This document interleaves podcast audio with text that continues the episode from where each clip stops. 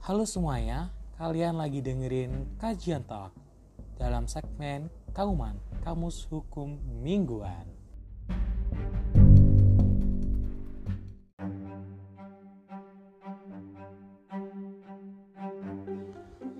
Halo semuanya, kembali lagi di segmen Kauman Kamus Hukum Mingguan.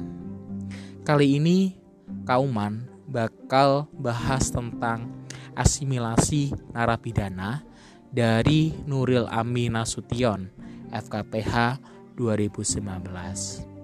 Apa sih asimilasi narapidana itu? Mungkin teman-teman di luar sana atau yang lagi dengerin kali ini pasti banyak yang belum tahu tentang asimilasi narapidana. Tapi teman-teman mungkin sudah dengar atau baca berita tentang pemerintah yang melepaskan atau membebaskan narapidana dari penjara yang alasannya untuk pencegahan penyebaran COVID-19. Tapi sebelum itu kita lihat dulu nih apa sih asimilasi itu? Asimilasi adalah proses pembinaan narapidana dan anak yang dilaksanakan dengan membaurkan narapidana dan anak dalam kehidupan masyarakat.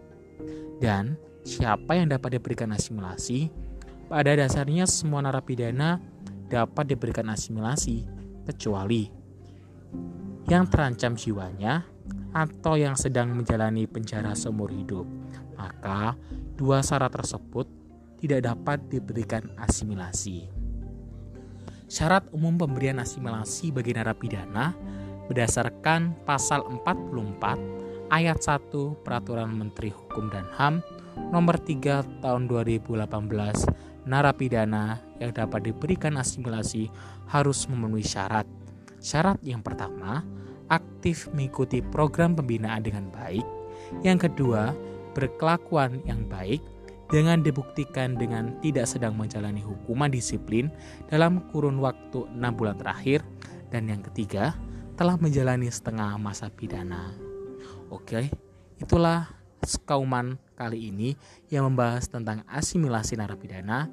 Mungkin teman-teman dapat memberikan komentar serta kritikan atau pendapatnya di kolom komentar dalam Instagram FKPA FKUB tentang Kauman Kamus Hukum Mingguan dalam segmen asimilasi narapidana.